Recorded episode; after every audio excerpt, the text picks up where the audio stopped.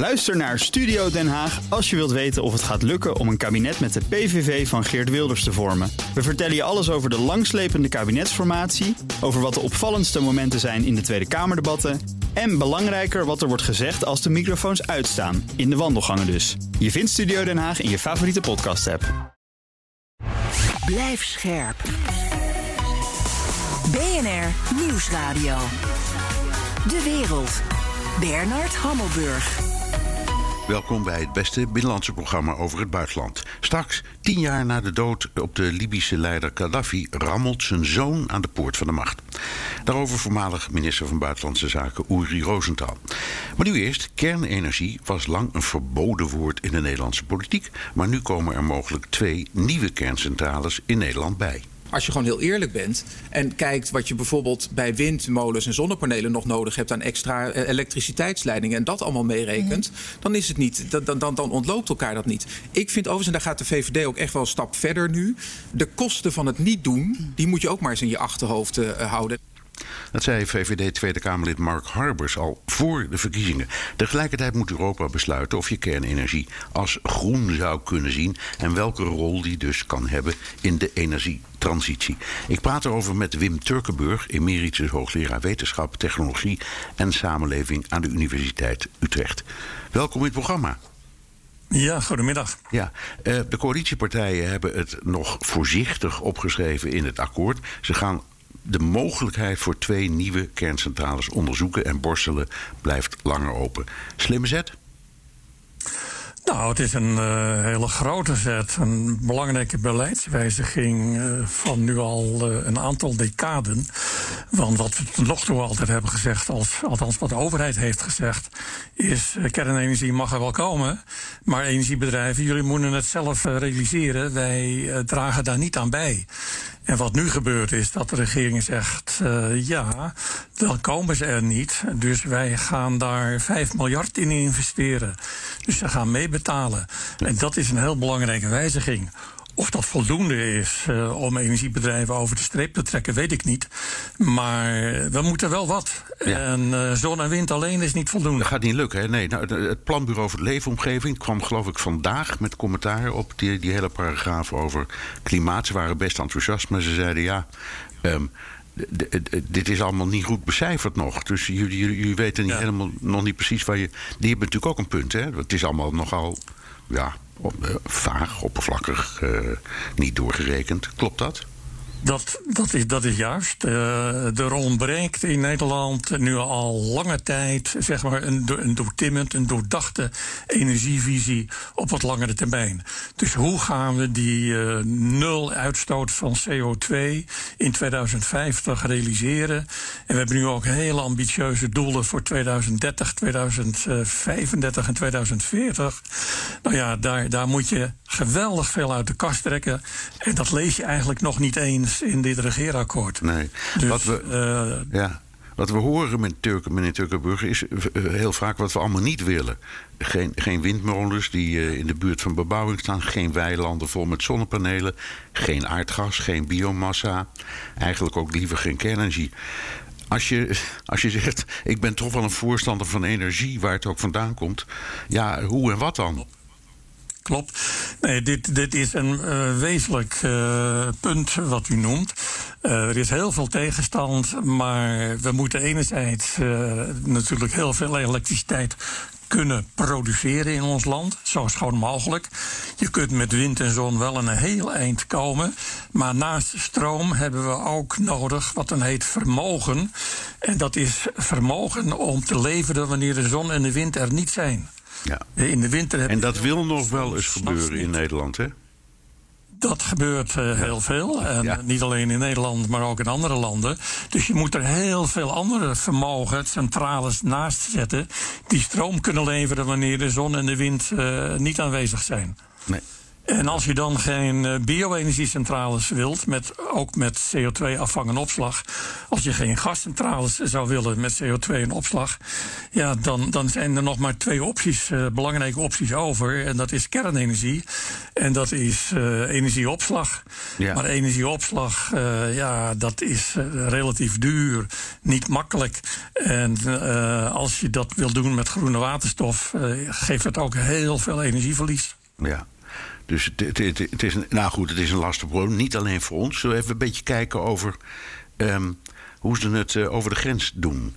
Uh, Frankrijk, uh, daar is het nieuws. Die hebben, die hebben een hoop kerncentrales, maar die, die, die, zeggen dat ze van um, de gedachte aan het veranderen zijn, maar dan toch ook weer niet helemaal.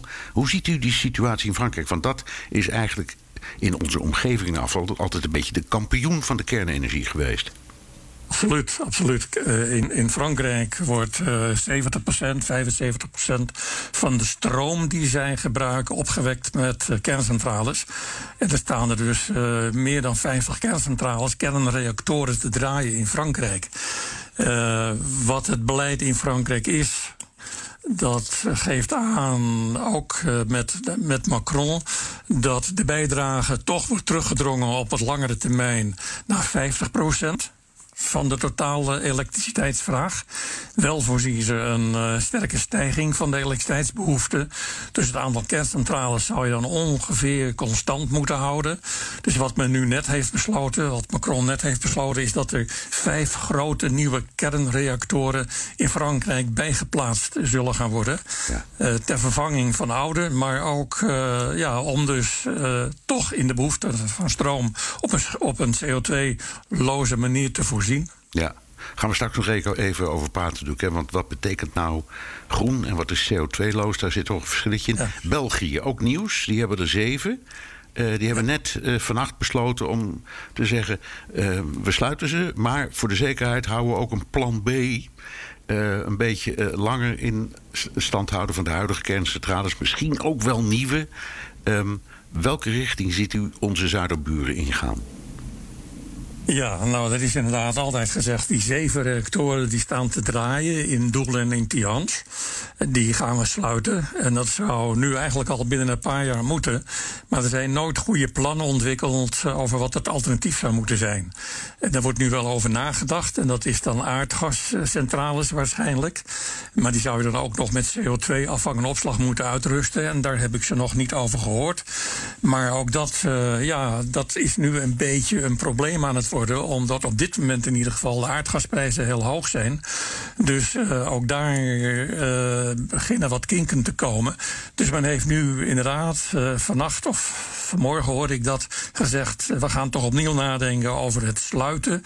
Willen we dat eigenlijk wel? Kunnen we niet toch een paar reactoren openhouden? En mijn vermoeden is dat men dat doet. Ja, dus dat met een paar reactoren, dat zijn er misschien wel een stuk of vier, drie, in ieder geval drie denk ik, dat die langer door zullen draaien. Dus dat, dat is dan levensduurverlenging van de bestaande kerncentrales. Ja, dan even Duitsland. Uh, onder Merkel Um, ja, was de kernenergie in principe afgezworen. En, en dat was een soort re reactie op Fukushima destijds. Zo riep ze, nee, hier ja. moeten we echt af.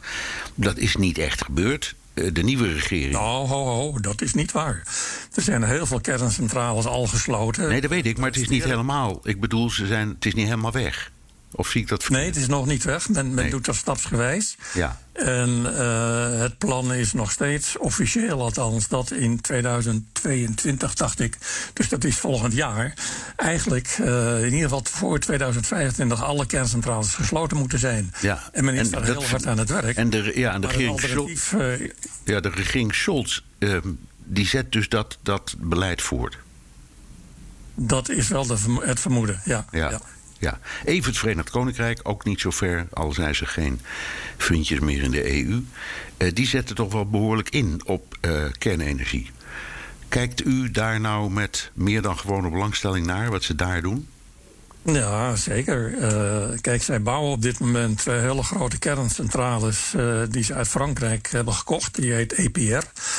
Uh, in de Hinkley Point. Uh, en ze, ze, hebben plannen om op een andere plek ook nog twee van die hele grote kerncentrales neer te zetten.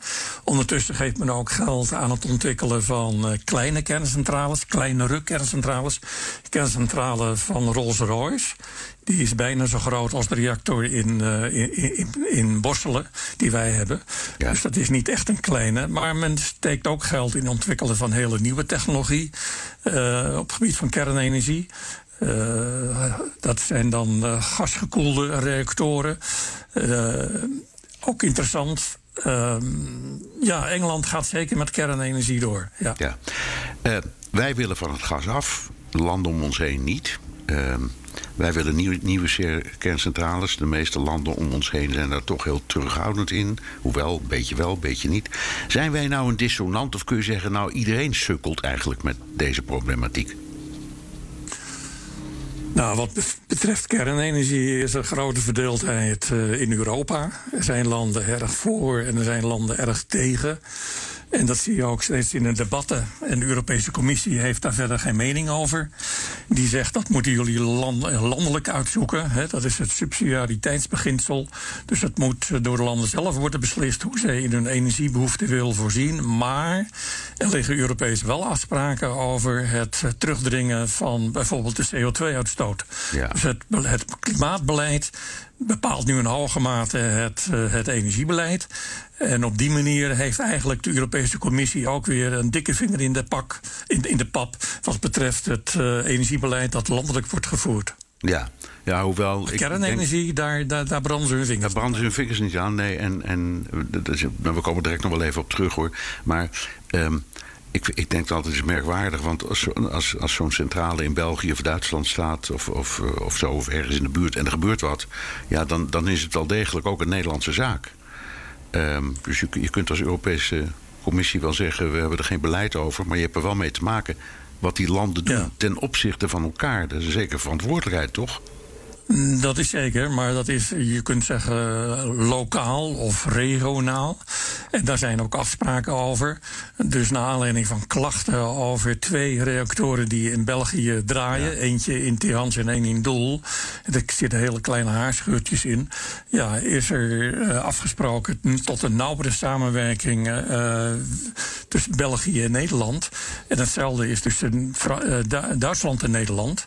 Uh, wat betreft uh, de kerncentrale die dicht bij de Nederlandse grens staat. Juist in verband met uh, de mogelijkheid dat er wel eens iets heel ernstig mis zou kunnen gaan. Dit is uh, BNR De Wereld. Mijn gast is Wim Turkenburg, emeritus hoogleraar wetenschap, technologie en samenleving aan de Universiteit Utrecht. In de studie in Amsterdam zit nu ook Europa-verslaggever Geert-Jan aan voor zijn Europa update. Geert-Jan, de Europese Commissie zou deze week een besluit nemen over haar taxonomiewet. Daarin zou moeten staan in hoeverre investeringen in kernenergie en gas als groen bestempeld mogen worden. Maar het besluit is nog uitgesteld. Wat is er nou aan de hand? Ja, Bernard, ik uh, heb uh, vanmiddag vernomen dat het besluit is uitgesteld tot 29 december. Uh, dat is dus nog dit jaar. Dan gaat de commissie met een voorstel komen dat dan geconsulteerd gaat worden door allerlei knappe koppen. En het duurt dan twee weken tot er een officiële presentatie is. Maar ik heb al gehoord dat dat voorstel van de commissie sowieso wel op straat komt te liggen. Kijk, en wat daarin zal staan, zal hoe dan ook tot ophef leiden de discussie rondom kernenergie en wat wel en niet groen is, is uh, gepolariseerd, maar ook gepolitiseerd. Dat geldt met name voor de criteria rondom dit besluit. En ik moet je daarvoor toch eerst wat meer achtergrond geven uh, over hoe het in Brussel nou precies werkt ja. met die taxonomielijst. Ja, nou, begin maar eerst maar eens even met dat rare woord uit te leggen. Want taxonomie, ik ben ervan overtuigd dat heel veel mensen niet meteen denken: oh ja, ik weet wat het is. Nee, maar dat was ook helemaal niet per se de bedoeling. Dat het zo'n grote rol zou gaan spelen in dit debat. Kijk, het is een Europese lijst die aangeeft welke economische activiteiten als duurzaam kunnen worden aangemerkt. Het is eigenlijk alsof jij naar de supermarkt zou gaan en je wil weten hoeveel sterren je kip of je rundvlees heeft. Dus hoe biologisch is het? Nou, in dit geval gaat het dus om wat is groen en wat niet. Kom je op die taxonomielijst, en dat zijn allerlei experts die dat samenstellen, dan ben je groen. En daarmee ben je dan een duurzaam financieel product. En met zo'n stempel ben je als bron een interessant investeringsproduct voor verzekeraars, uh, banken, andere grote beleggers. Dat was eigenlijk het, het, het kurkdroge idee. Want groen is hip. Maar het is dus eigenlijk een hele feitelijke lijst. En die taxonomielijst is een wettelijk kader met allerlei criteria. Stap 1 is dat. En die is ook eigenlijk al geweest. Ook bedoeld om greenwashing tegen te gaan. En nu is dus stap 2. De commissie komt met een voorstel die, uh, met welke bronnen op die lijst komen binnen de criteria die dus zijn vastgesteld. En daar wringt de schoen met betrekking tot kernenergie, maar ook met gas.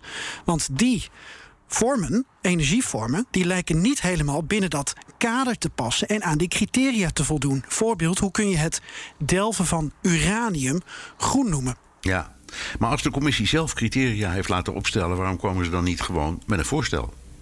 Omdat het debat dus uh, heel erg ingewikkeld is geworden. Heel erg is gepolitiseerd. En uh, Duitsland en Frankrijk staan tegenover elkaar. Sowieso wel bijzonder dat regeringsleiders zich nu al zo druk hierover maken. Even vanuit het Brusselse geredeneerd. Want het gaat op dit moment pas om stap 2 uh, het is een delegated act, zoals dat heet. En eigenlijk zouden regeringsleiders pas na de hand gaan reageren. Maar het debat is nu aangeslingerd vooral door Frankrijk. Een soort akkoordje met Oost-Europese landen. Die willen gas. Frankrijk wil kernenergie. Uh, we zitten natuurlijk ook in een situatie nu van een energiecrisis. Dat maakt het allemaal erg actueel.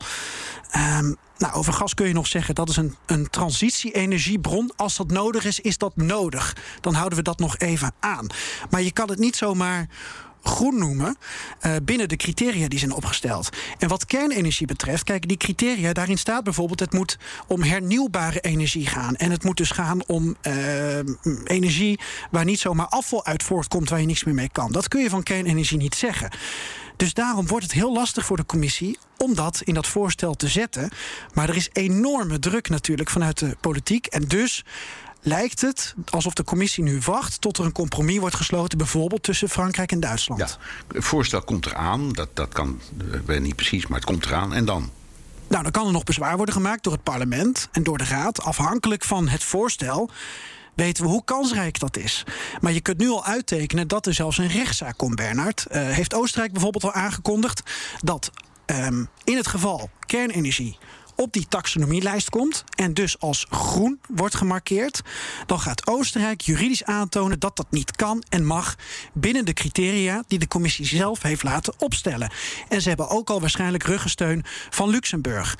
Dus het spel is op de wagen. Uh, nou, ik zei al, er komt een consultatie vanaf 29 december. Dan is het twee weken wachten op de presentatie. Nou, en dan heb je nog een periode van vier plus twee maanden waarin al het bezwaar kan plaatsvinden. Ja, uh, het, het, blijft een heet debat. Ja, meneer Turkenburg, als u dit zo hoort, ja. wat denkt u dan? Ja, ik, ik ken het debat. Uh, ik uh, begrijp ook dat partijen strijden uh, om uh, kernenergie en aardgas groen te krijgen. Omdat dat uh, toch die technologieën zou stimuleren. En ook kosten wellicht zou kunnen gaan verlagen. maar ik zou het wel heel vreemd vinden. Precies ja. met wat er is gezegd. even, even voor de duidelijkheid. is altijd.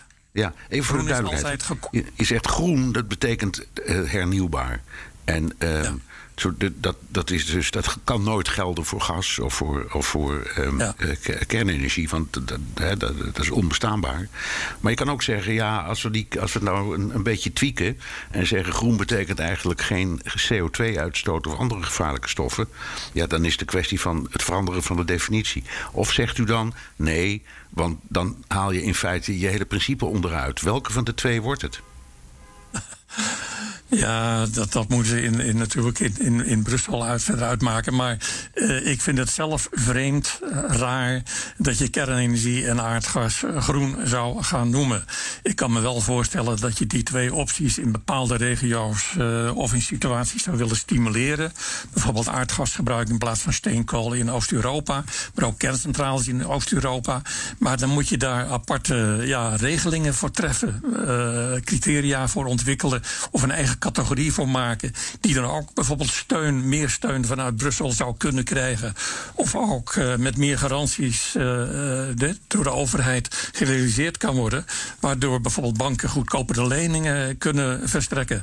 Ja. Ik zou het vreemd vinden als je deze twee opties uh, groen zou gaan noemen. Ja, Geert-Jan. Um, dat is denk ik toch ook wat, uh, ik zal maar zeggen, een beetje de communische opinio in de, in de Europese Commissie wordt. Hè? Dat zou wel heel raar zijn als je in feite gewoon tijdens de wedstrijd de, de, de doelpalen verzet. Nou, er is nu druk van alle kanten. Want uh, de knappe koppen die die taxonomielijst hebben opgesteld. Waar dus die, die voorwaarden in staan van wanneer is het groen. Daarin staat trouwens dat het niet om nul CO2-uitstoot gaat, maar er zijn bijvoorbeeld grenswaarden aangesteld. Nou ja, er zijn dertien knappe koppen uh, die hebben aangegeven... jongens, wij hebben een lijst voor jullie opgesteld. We hebben gezegd, dit is wel en niet groen. Dit komt overeen met jullie idee. Ook dat hele Fit for 55-plan natuurlijk. Hè, van hoe maken we Europa energie-neutraal? Uh, hoe maken we dingen hernieuwbaar? Hoe hebben we aandacht voor biodiversiteit, circulaire economie? Ja, en als jullie nu... Um, die lijst al, die voorwaarden al naast je neer gaan leggen. Ja, wat doen wij dan nog uh, in dit knappe koppencomité? Dankjewel, Europa-verslaggever Geert-Jan Haan. Wilt u meer horen over de Europese politiek? Luister dan naar BNR's Europa-podcast... die Geert-Jan maakt samen met Europa-correspondent Stefan de Vries. Uh, meneer Turkenburg, ja, u zegt terecht, en Geert-Jan bevestigt het eigenlijk. Het zou een raar, uh, rare discussie worden als je heel keurig en ook met veel knappe koppen hebt nagedacht over wat nu echt de, duurzaam is. En plotseling voeg je er iets aan naartoe dat dat niet is. Want het is alsof je zegt, ja, een beetje zwanger is ook wel goed, toch? Zo zou je het inderdaad uh, kunnen noemen, ja. Ja, ja. ja. Um, maar ik hoor van alles over tegenstand en ik hoor ook van alles over wensen en misschien soms dromen. Maar hoe dan wel? Um, want ik, ik hoor u zeggen in dit gesprek: ja, kernenergie, daar kun je misschien niet helemaal buiten. Gas kun je ook niet helemaal buiten. Het doel is om wel degelijk uh, klimaatneutraal te worden, maar, maar hoe? Absoluut absoluut. Nee, maar hoe? Ja, vanuit het klimaatoogpunt gezien moeten we echt de doelen gaan realiseren die nu in het eh, coalitieakkoord zijn genoemd. 60% bij voorkeur minder uitstoot in 2030. En dat is een enorme opgave. 70% eh, minder in 2035, 80% minder in 2040 en 100% minder, zo niet negatief, zou ik zeggen, eh, in, in 2050.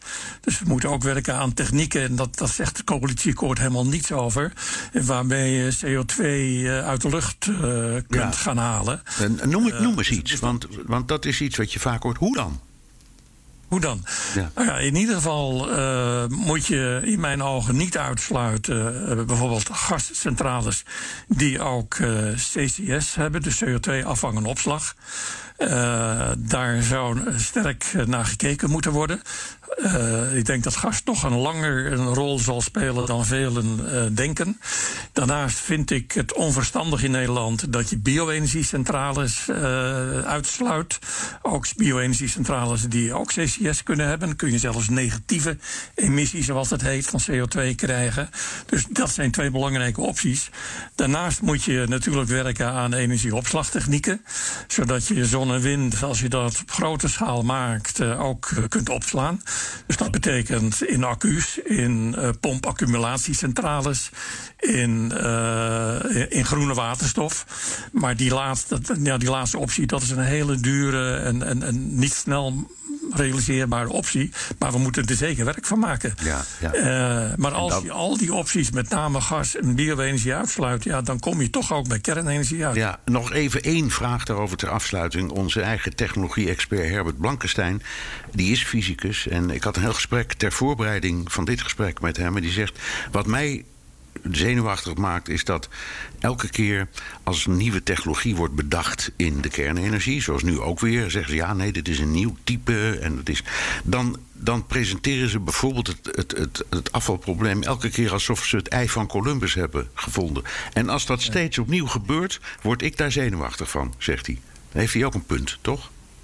Ik denk dat hij daar een punt heeft. Uh, we moeten wel ook bij kernenergie aan nieuwe technologieën werken. Uh, technologieën die nog veiliger zijn dan de huidige kerncentrales en die ook minder afval produceren. Maar dat zijn technieken die de komende twintig jaar nog niet gebouwd kunnen worden. Dus zeker een rol kunnen spelen in de energievoorziening voordat die nieuwe technieken werkelijk uh, poot aan de grond krijgen en ook stroom maken, ja, zitten we in Nederland uh, al zeker in 2050. En dan moet het klimaatprobleem zijn opgelost. Dus als je met kernenergie aan de slag gaat, dan moet je echt kijken naar bestaande type nieuwe reactoren, zoals Frankrijk die maakt, de EPR. Uh, ook Westinghouse uh, levert een reactor. Die willen ze ook in Engeland gaan neerzetten. Maar er zijn ook andere bedrijven in Zuid-Korea, uh, Japan. ja, dan moet je toch, maar dat zijn bewezen technieken die met een heel klein risico stroom kunnen produceren. Maar nog steeds behoorlijk veel relatief afval geven. En daar moeten we dus ook een definitieve oplossing voor, voor zien te vinden. Ja, dank. Wim Turkenburg, emeritus hoogleraar wetenschap, technologie en samenleving aan de Universiteit Utrecht. Blijf scherp. BNR Nieuwsradio. De wereld. Bernard Hammelburg. Libië verkeert al tien jaar in chaos na de dood van Muammar Gaddafi. Zijn zoon Saif al-Aslam rammelt nu aan de poort, maar hij mag niet meedoen aan de presidentsverkiezingen. Saif al-Islam Gaddafi sees himself following in his father's footsteps. Son of former Libyan dictator Muammar Gaddafi, Saif al-Islam is likely to play on nostalgia for the pre-revolution era. Ik praat erover met Uri Rosenthal, oud-minister van Buitenlandse Zaken. Dag meneer Rosenthal.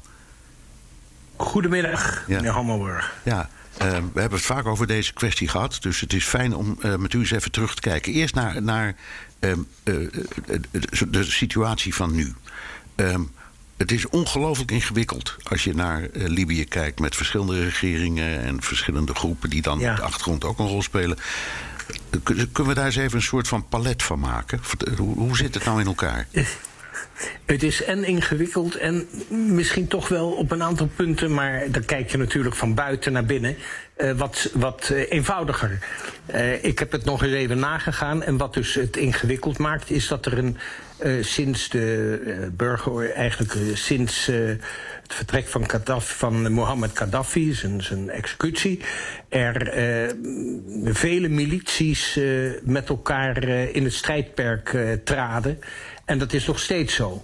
Maar als ik dat dan even probeer uit te filteren, dan kom ik in wezen bij uh, twee grote uh, kernen. De ene is die van de militair Haftar, die vanuit het oosten van Libië komt, hè, Benghazi, Tobruk. Tobruk. En uh, het gezelschap dat zich concentreert rond en in Tripoli, de hoofdstad van Libië. En dan kijk je naar de zogeheten milities. En dan heb je sommige milities die dus op, uh, door, uh, met Haftar gaan. En sommige die gaan met de regering of dat, de groep mensen die dan in Tripoli zitten. Ja, en, en ik heb dat ook nog eens nagegaan. En als je dan kijkt naar de internationale steun die die twee hebben, is er iets heel interessants in wezen. En dat maakt het voor mij even als duider dan in dit geval ook weer wat, wat eenvoudiger.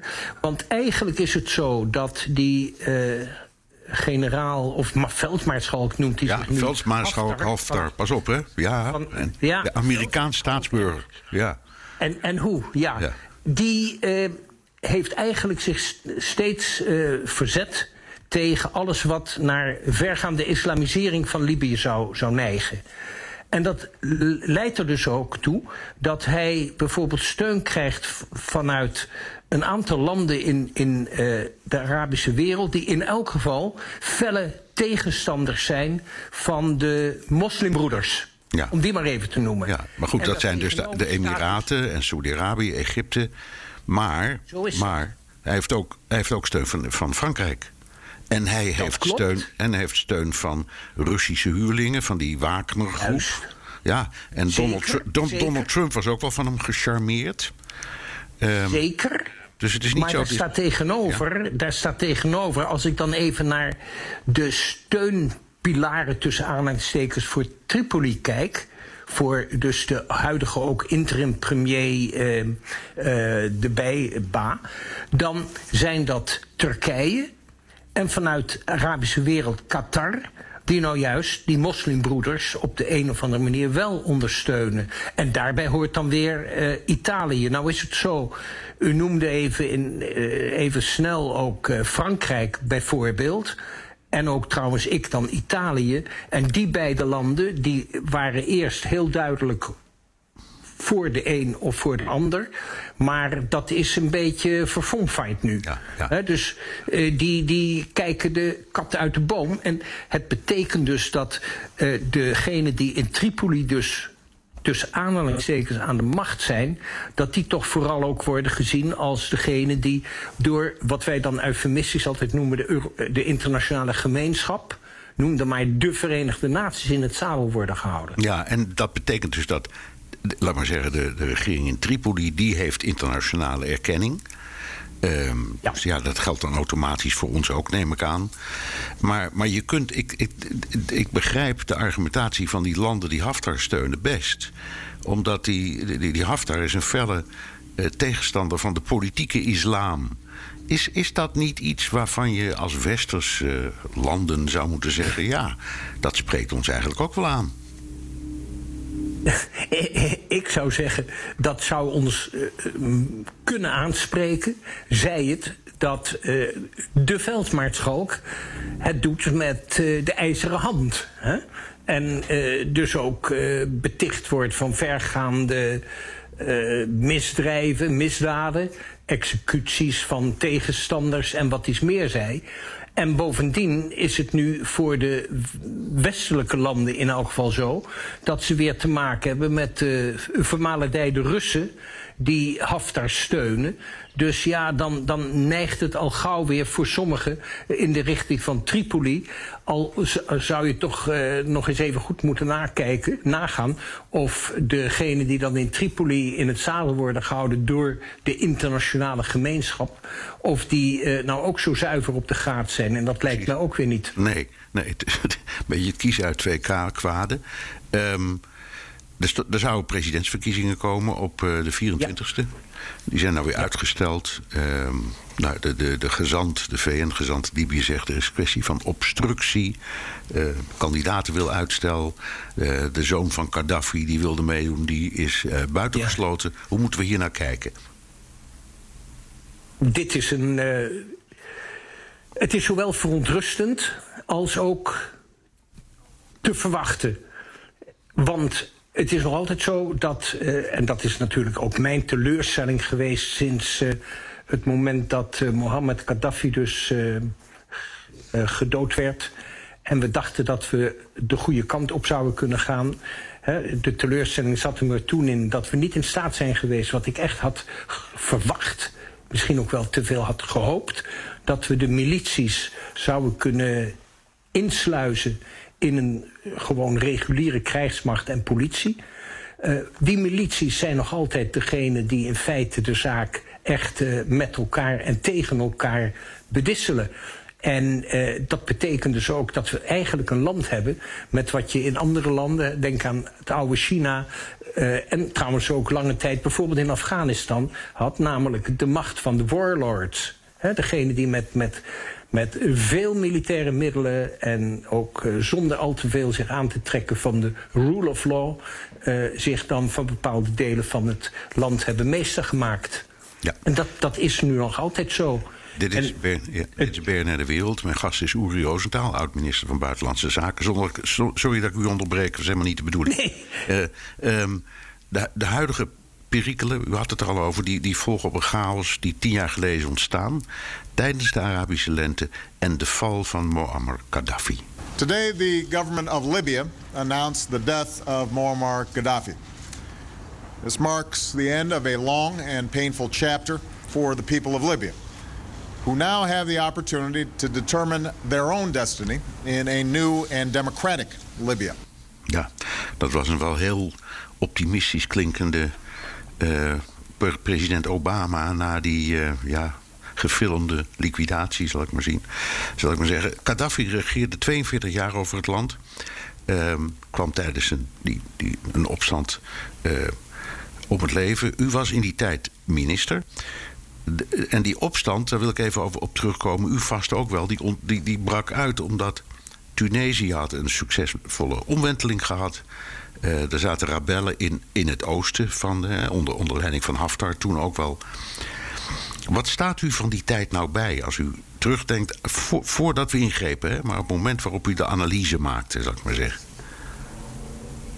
Die analyse kwam, kwam erop neer of, uh, dat wij allen volkomen verrast zijn in december 2010 door wat er zich in Tunesië ineens ontspon.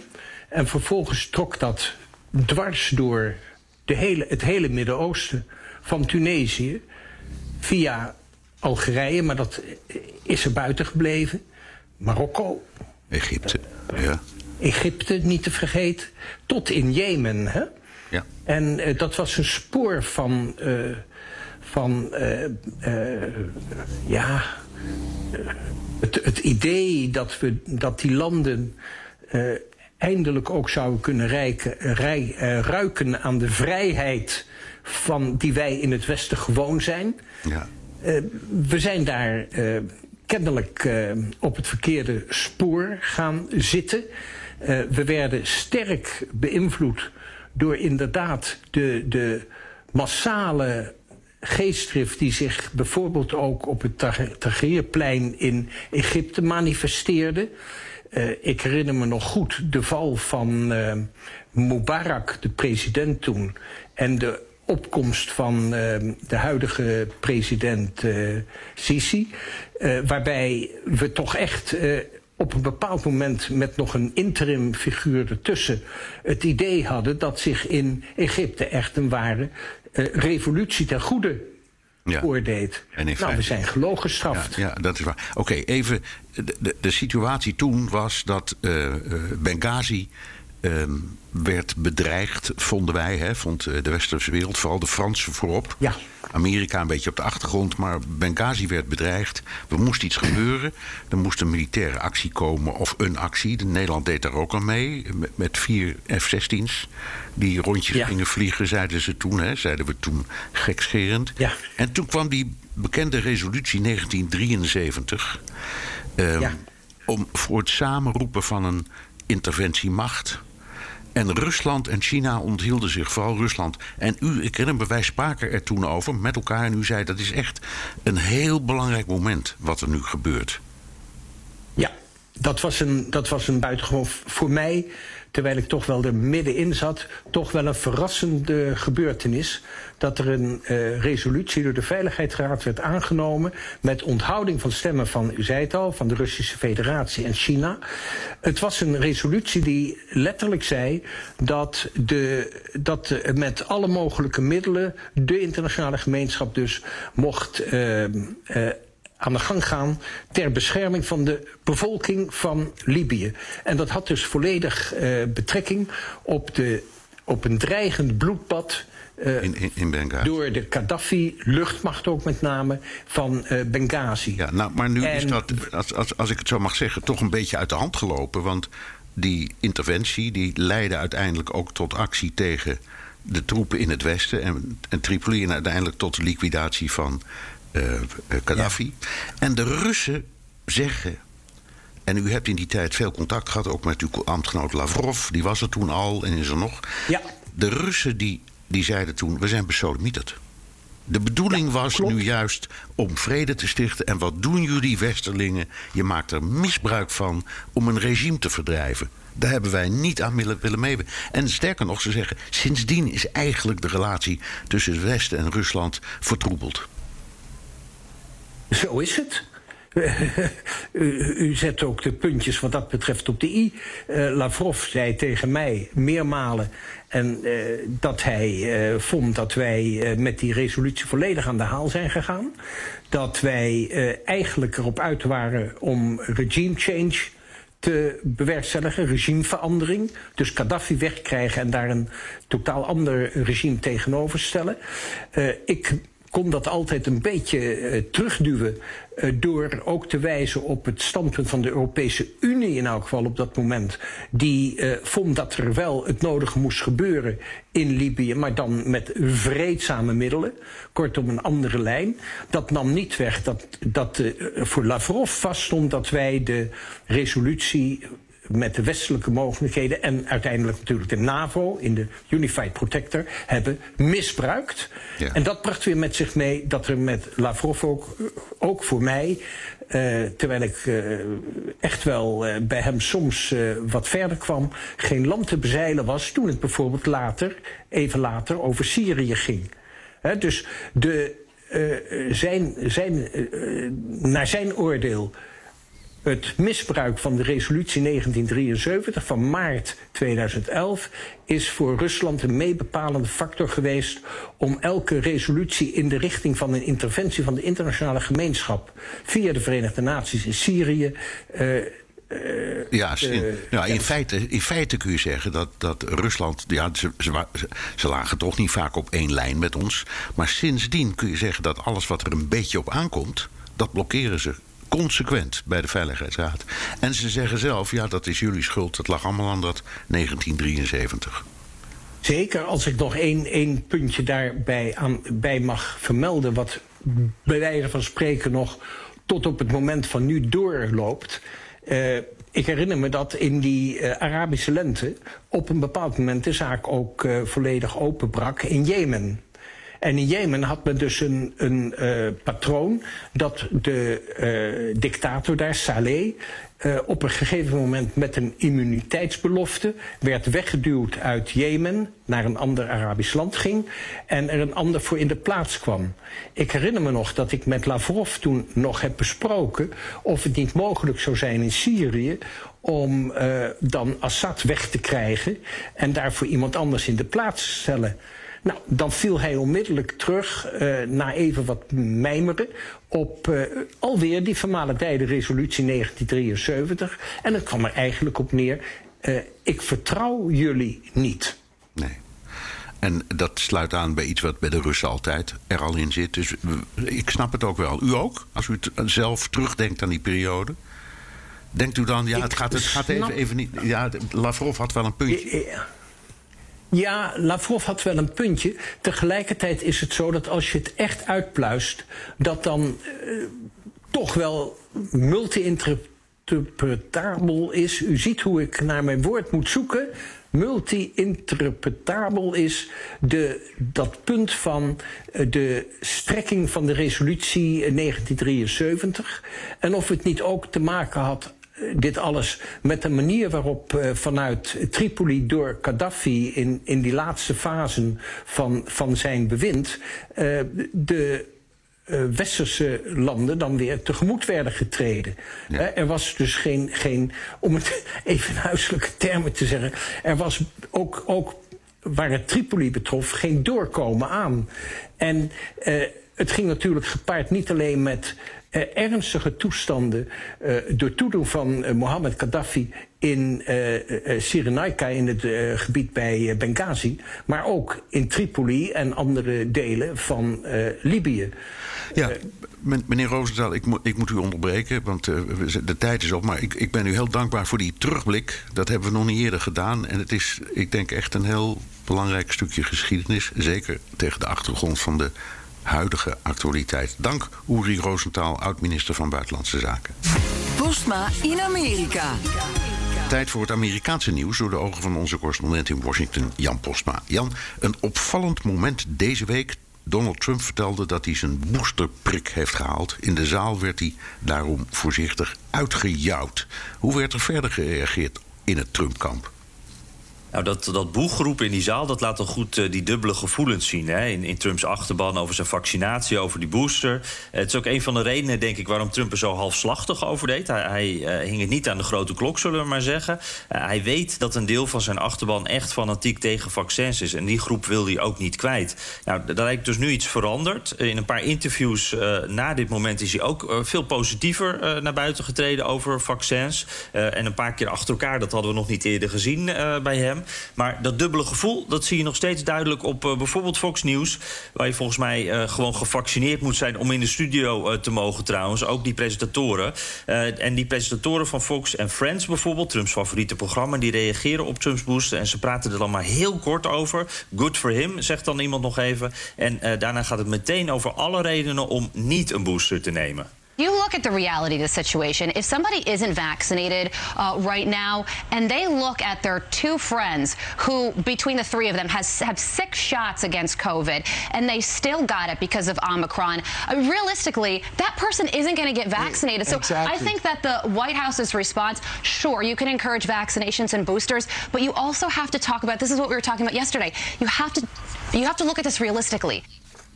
Ja, en dan meteen ook de focus af van Trump en, en richting Biden en alles wat het Witte Huis verkeerd doet. Uh, een beetje ongemakkelijk onderwerp daar in de studio. Ja, ja die, die stem klinkt of je er glas mee kan snijden trouwens. Maar goed, hey, partij, partijgenoten van Trump spreken zich vaak over uit dat ze ook liever niet over die booster willen praten. Ja, precies. Uh, Republikein. En dan vooral degene die uh, ambities hebben, presidentiële ambities. Uh, die, die houden zich graag een beetje op de vlakte. Hier Ron DeSantis bijvoorbeeld, de gouverneur van Florida. Hè, die kennen we, een, een Trumpist, man met duidelijke ambities. Hij wordt gevraagd of hij zijn booster heeft gehaald. En dan blijft het lang stil en dan geeft hij nogal een ontwijkend antwoord. Have you gotten the booster? So uh, I, have done whatever I did, the, the normal shot, and you know that at the end of the day is people's individual decisions about what they want to do. But these boosters, in terms now, Florida, we don't we ban vaccine passports. We we won't let them fire you, even private businesses over this. Nou, je hoort het. Eh, die, die, stilte die zei eigenlijk het meeste in dat antwoord. En de Santos doet daarna iets uh, wat heel veel rechtse opiniemakers in de VS doen. Wat Fox dus ook doet. Hij zegt, ja, ik ben voor vaccins, maar iedereen moet het wel zelf weten. En als het dan over gaat uh, ja, wat voor maatregelen genomen worden... dan is hij toch behoorlijk negatief ja. over die uh, vaccins. En ja, hij, hij, hij, houdt dus maar even voor zich of hij er zelf van heeft. Ja, precies. Hij geeft geen antwoord op de vraag. Nou, oké. Okay. Nee, dan, nee, precies, dat dan heb je, niet. Nee, dan heb je de influencers en talking heads uit de Republikeinse hoek... die echt falikant tegen vaccins zijn.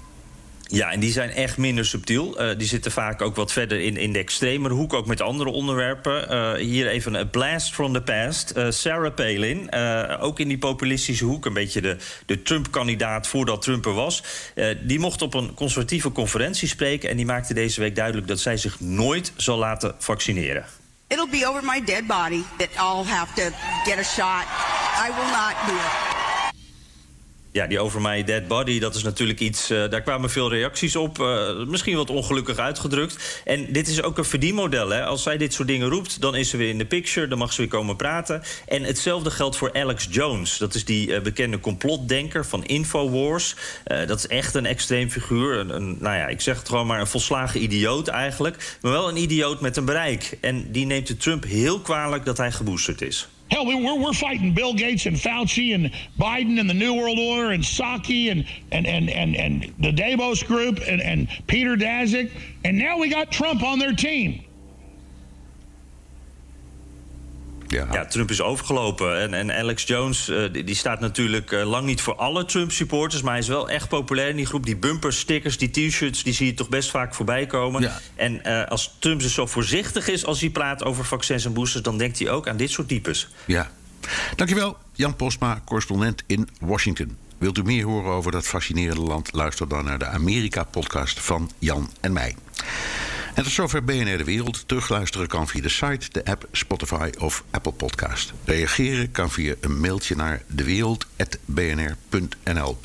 Tot volgende week. Bij BNR ben je altijd als eerste op de hoogte van het laatste nieuws. Luister dagelijks live via internet. Bas van Werven. En heel langzaam komt de zon op rond dit tijdstip. Je krijgt inzicht in de dag die komt op BNR, het Binnenhof in Nederland en de rest van de wereld. De Ochtendspits. Voor de beste start van je werkdag. Blijf scherp en mis niets.